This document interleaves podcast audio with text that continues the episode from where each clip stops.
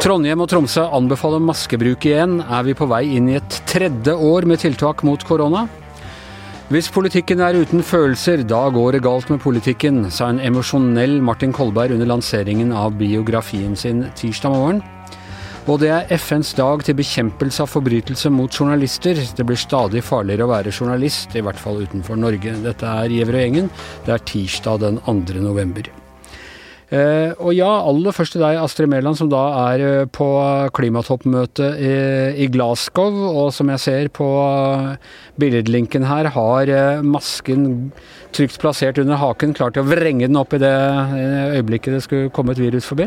Ja, her er det eh, slik det kanskje kan bli i Norge hvis det fortsetter framover. Vi må altså teste oss hver dag. Og det er ikke bare dem som er med på klimatoppmøtet som må gjøre det. Det må taxisjåfører og andre som jobber sammen med folk som kan smittes. De må teste med en hurtigtest hver morgen og sende inn resultatet til det britiske helsevesenet. Og samtidig bruke masker overalt når dere er i nærheten av andre mennesker? Ja, det er kjempestrengt maskepåbud her i Storbritannia, eh, eller i Skottland. Og det er jo ganske mye covid-smitte her og mange innlagte. Og til tross for høy vaksinasjonsgrad, så går det feil vei.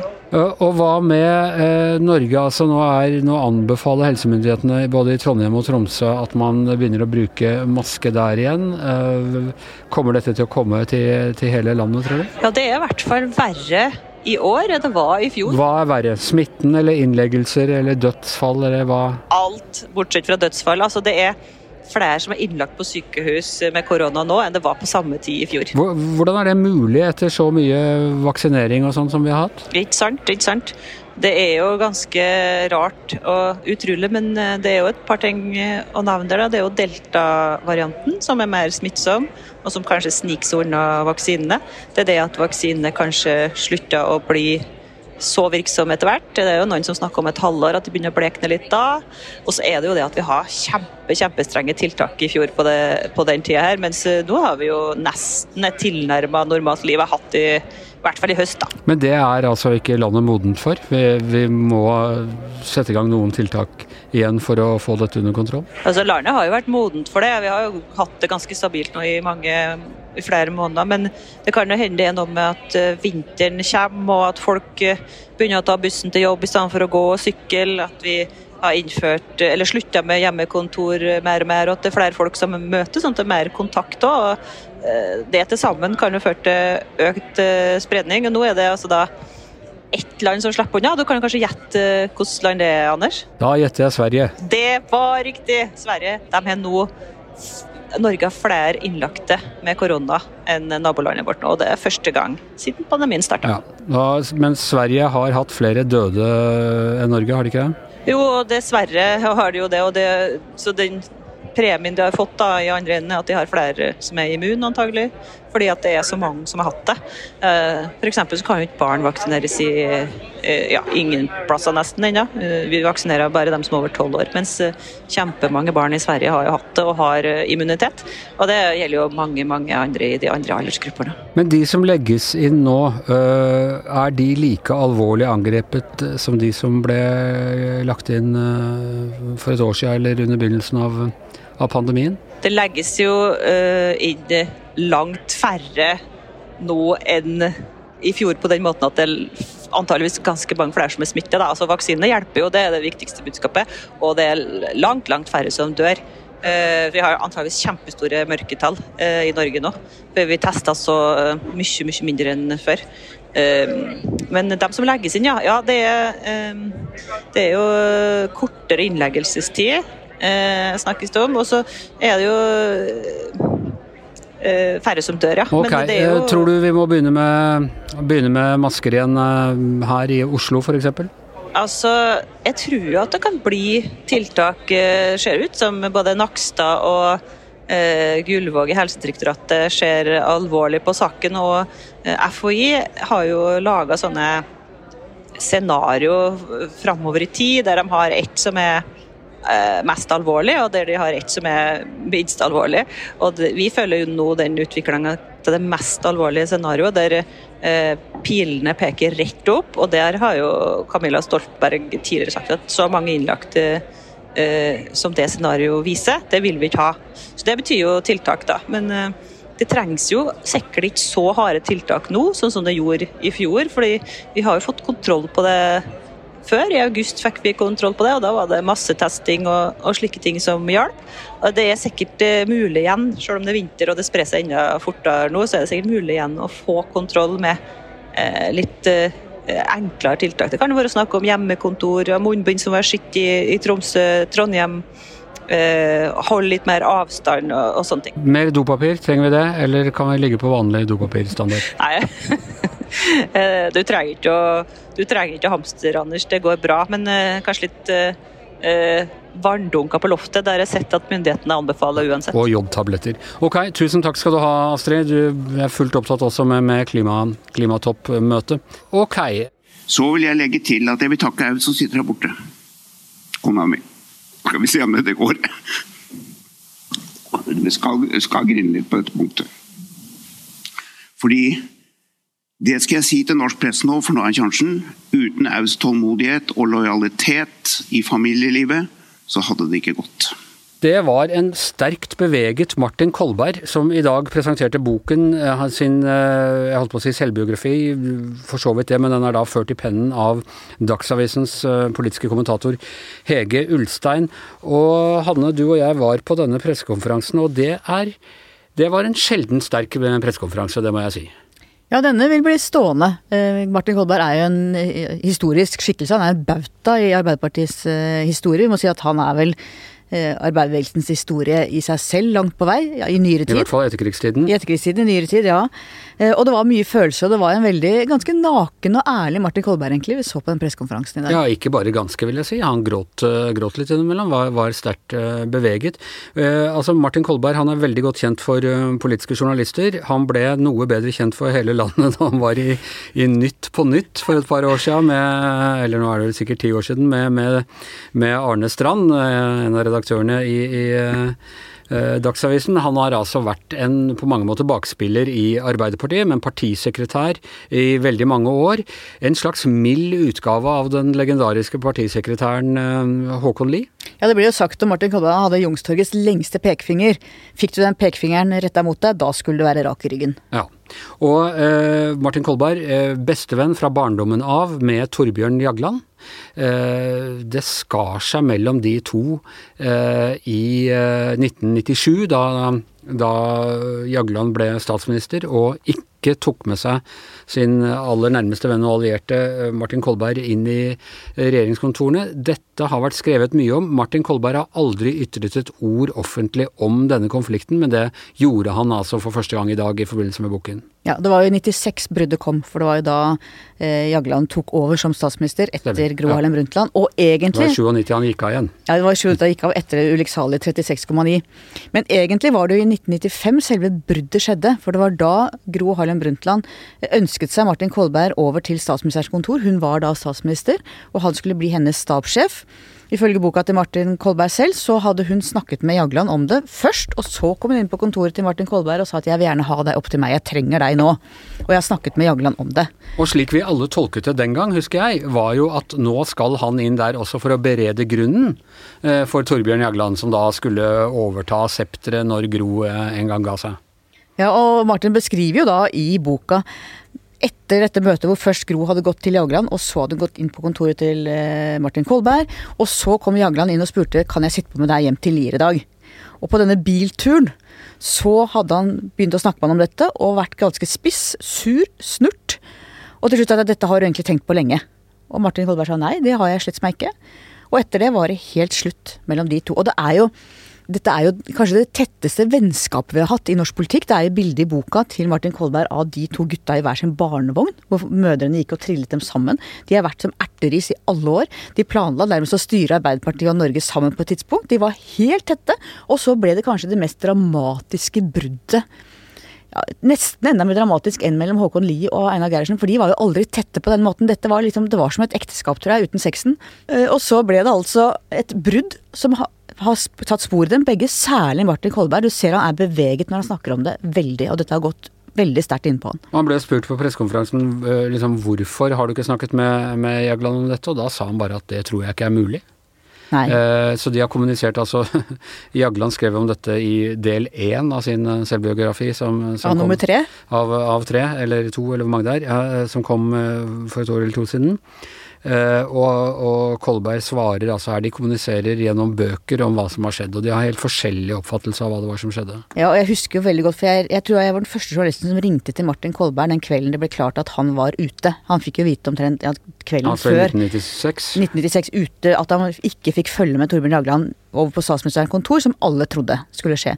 Og Da ringte jeg og så sa jeg hva er det, hva er det som har skjedd, hva er dette? Og da, jeg glemmer aldri stemmen hans, jeg bare sa jeg veit ikke, han.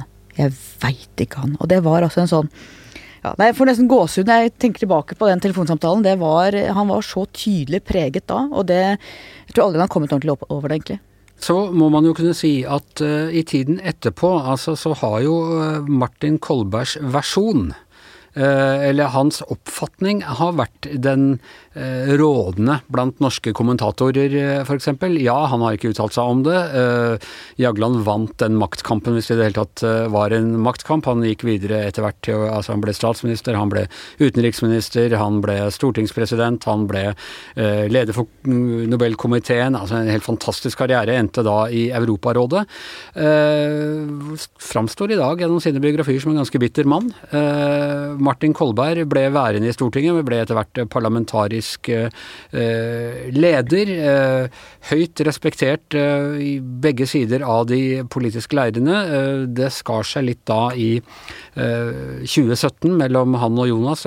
Eget kapittel som vi må snakke om en annen gang. Men alt i alt så har jo han kommet historisk sett ganske godt ut av det, og selv om han aldri har vært så glad i å snakke offentlig om disse tingene, så har jo hans versjon eh, blitt presentert eh, blant dere politiske kommentatorer.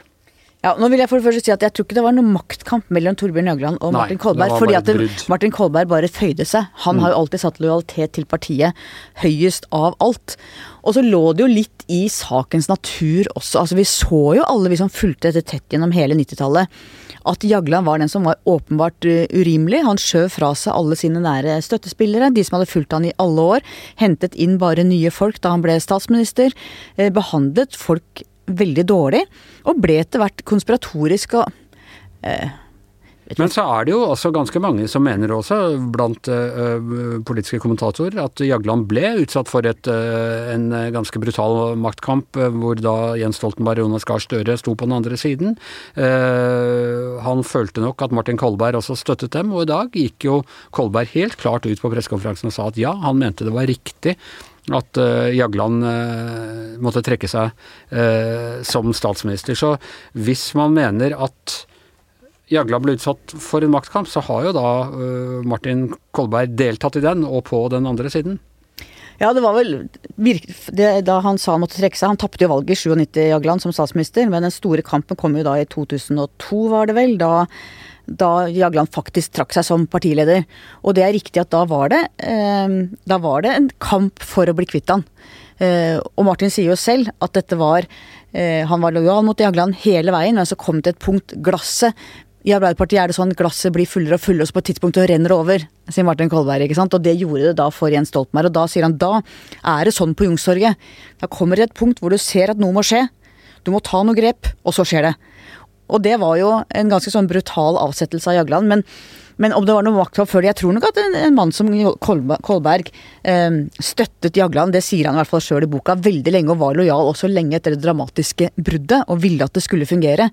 Men eh, man må jo kunne si at Torbjørn Jagland eh, spente bein for seg sjøl gang på gang på gang.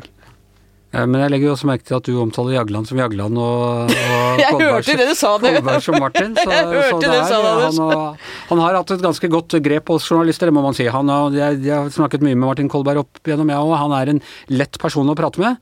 Eh, og han innbyr til en form for tillit. Og jeg vil ikke utelukke at han også har eh, skjønt hvordan han virker på folk. Ja da. Jeg må si, jeg møtte han jo første gang på 80-tallet, og da syns jeg han var kjempestreng og veldig eh, Han fremstår som veldig utilnærmelig og, og ganske tøff. Han men, løsnet opp med årene, og, og kanskje særlig etter, det, etter dette bruddet med, med Jagland.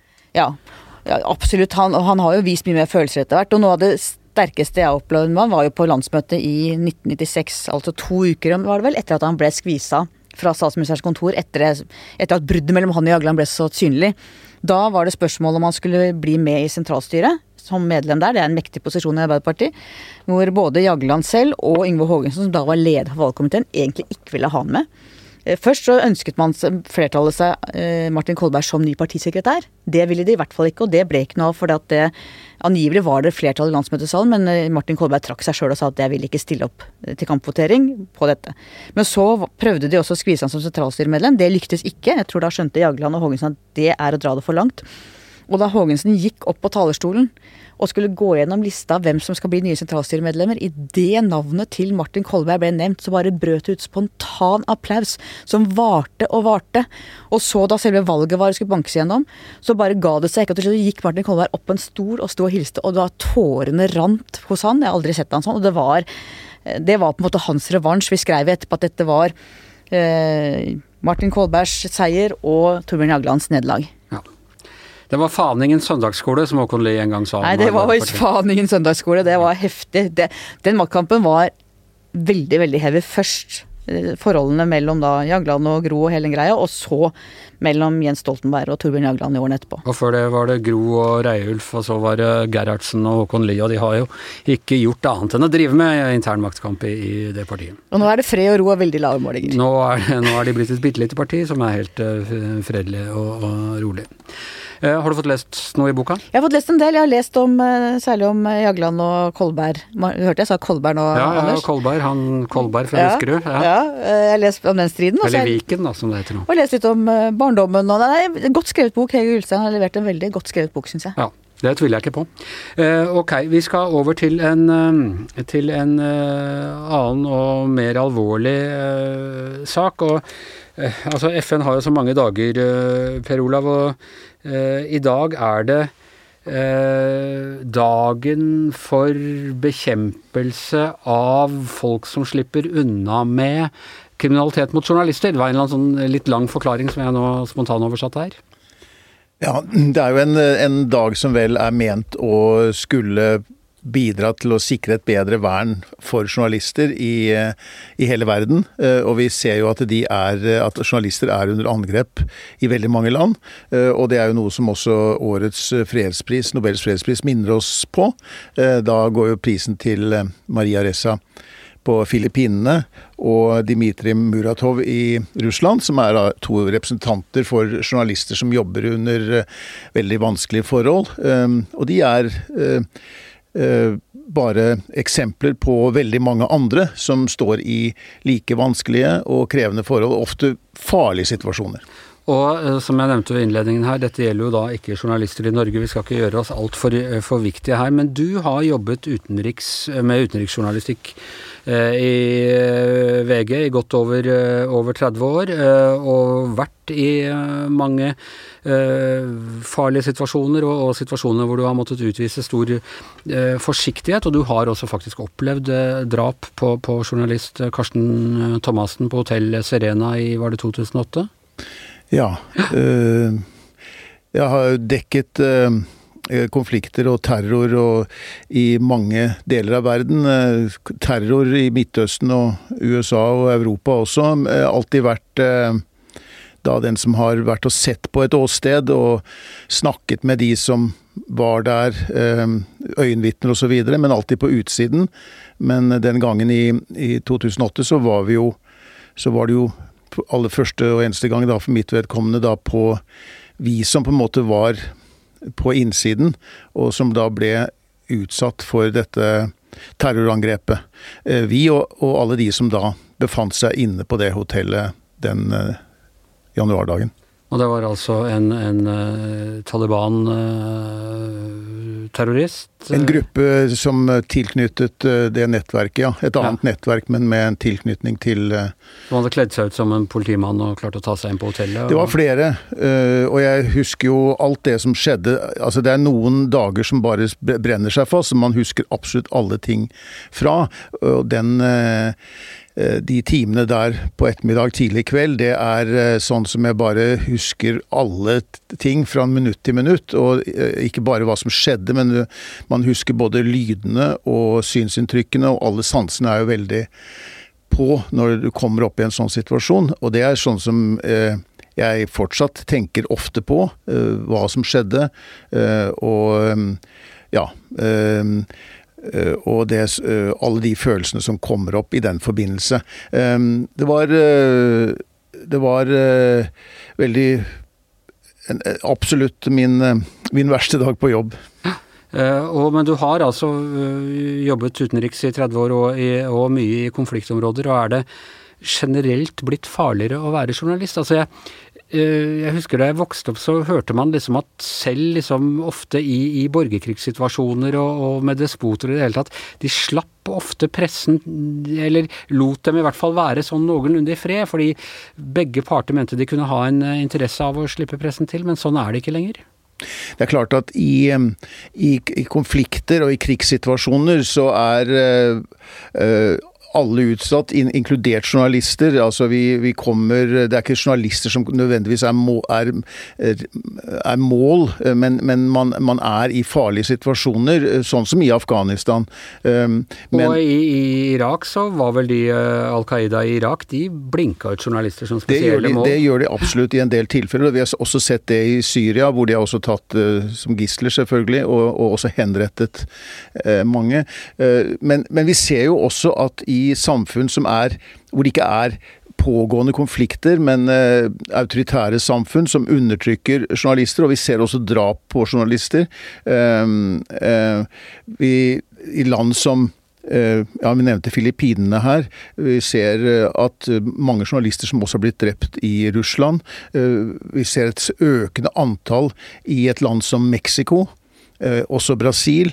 Så er det svært mange Eh, i land hvor det er sånn som nærmest ikke fungerer så særlig som samfunn, altså mer eller mindre eh, altså Land som Somalia f.eks., altså mislykkede stater som man ofte snakker om, der er de også ofte utsatt. Det, det, kan, det er ikke alltid det er, det er forskjellige kan, som kan stå bak dette. Det kan være kriminelle bander, eh, det kan være representanter for noen stridende parter, det kan være mange som står bak, men av disse eh, drapene som har skjedd på journalister, og det er vel regnet opp da 14 1400 siden 1992 som Reporter uten grenser opererer med, og i åtte av ti tilfeller så blir jo disse drapene ikke oppklart. Man får ikke vite hvem som sto bak. Og så er det, du har selvfølgelig da altså despoter og, og terror, terrorister og sånn, men du har også kriminelle. Uh, I Mexico hvor det er uh, kartell, uh, narkotikakartellene og sånn forfølger journalister, og det er også en del land hvor kriminelle gjenger bander, organisert kriminalitet. Altså tar livet av journalister som går dem eh, litt for nær etter sømmene. Det har vi også sett eksempler på i Europa. Sånn at uh, her er det uh, det er flere som kan stå bak det, og vi ser at det er i stadig flere land eh, hvor journalister er i fare. Eh, noen steder tar det form av trak Eh, at man blir trakassert eller forfulgt på ulik vis. Andre steder så er det faktisk livsfarlig å utøve dette yrket. Eh, og det skremmer jo da Det har jo den effekt i noen tilfeller at det skremmer eh, mange fra, utøve, fra å gjøre sin jobb. Og det er vel hensikten òg? Det er nok også hensikten. Men så er det da mange modige journalister som står på under veldig vanskelige forhold, og, og da svært mye vanskeligere situasjon enn vi er her hjemme er vant med. Men som Og vi ser f.eks. nå i Afghanistan hvordan de som afghanske journalister der, som må forsøke å tilpasse seg en ny situasjon nå. Det var nettopp i dag et nytt uh, stort terrorangrep i, i Kabul. I Kabul. Uh, og da, når jeg hører om sånne ting, så tenker jeg uh, tilbake på det som vi opplevde som var der, og det tragiske utfallet det fikk, bl.a. for en god kollega. Um, men, men, men, vi ser at den situasjonen er slik i mange land at uh, journalistikken, fri journalistikk er under større fare. Jeg er bekymret for det, det, som skjer med de afghanske journalistene som nå forsøker å De hadde, de hadde 20 år her hvor de uh, i større eller mindre grad kunne operere ganske fritt, og det ble et ganske mangfoldig mediebilde i Afghanistan. Det er klart at det er under et voldsomt press nå. Um, og um, fordi de kommer litt de har fått nye makthavere der som aldri tidligere har respektert ytringsfrihet, uh, og de har også nå i en strid med enda mer ekstreme grupperinger som IS. Eh, jeg vet at det alltid har vært en viss uenighet eh, innad i VG mellom, eh, mellom utenriksreportere og ledelse om hva man skal dra på. Dere reportere har ofte vært ivrige etter å dra. Ledelsen har av og til holdt litt, i, litt igjen. Det er en sånn naturlig dynamikk der. Men er det blitt Eh, vegrer mediene seg i større grad nå for å dra til konfliktområdene enn de gjorde da du begynte med dette for 30 år siden? Jeg tror det har skjedd en eh, utvikling hvor man er blitt mye grundigere på å vurdere risiko, og også forberede medarbeidere på det som møter en i sånne situasjoner. I løpet av den tiden jeg har vært her, så har det jo blitt eh, man, man, man, får opplæring, man får kurs, man blir eh, forberedt på det man kan møte. Det foretas vurderinger i huset eh, av eh, risiko og hvordan man skal operere. Og man tar bedre vare på medarbeidere som kommer hjem og som har opplevd tøffe ting på jobb. så alt på, på alle Først skal man bare liksom svelge unna? Var... Ja, ja. Det var Og det, er, det har skjedd en stor utvikling på det området der, sånn, og jeg jeg tror ikke nødvendigvis at man la være oss vi, vi, vi, ser jo fortsatt at vi, vi sender jo folk inn i, inn i, situasjoner hvor det har en risiko, men øh, vi forsøker å, å, redusere risikoen, og vi forsøker å forberede de som skal reise, best mulig på det som måtte møte dem. Ja.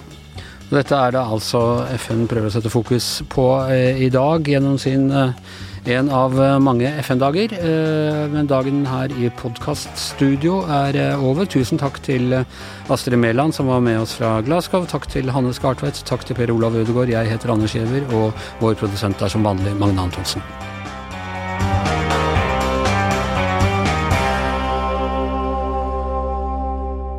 Du har hørt en podkast fra VG.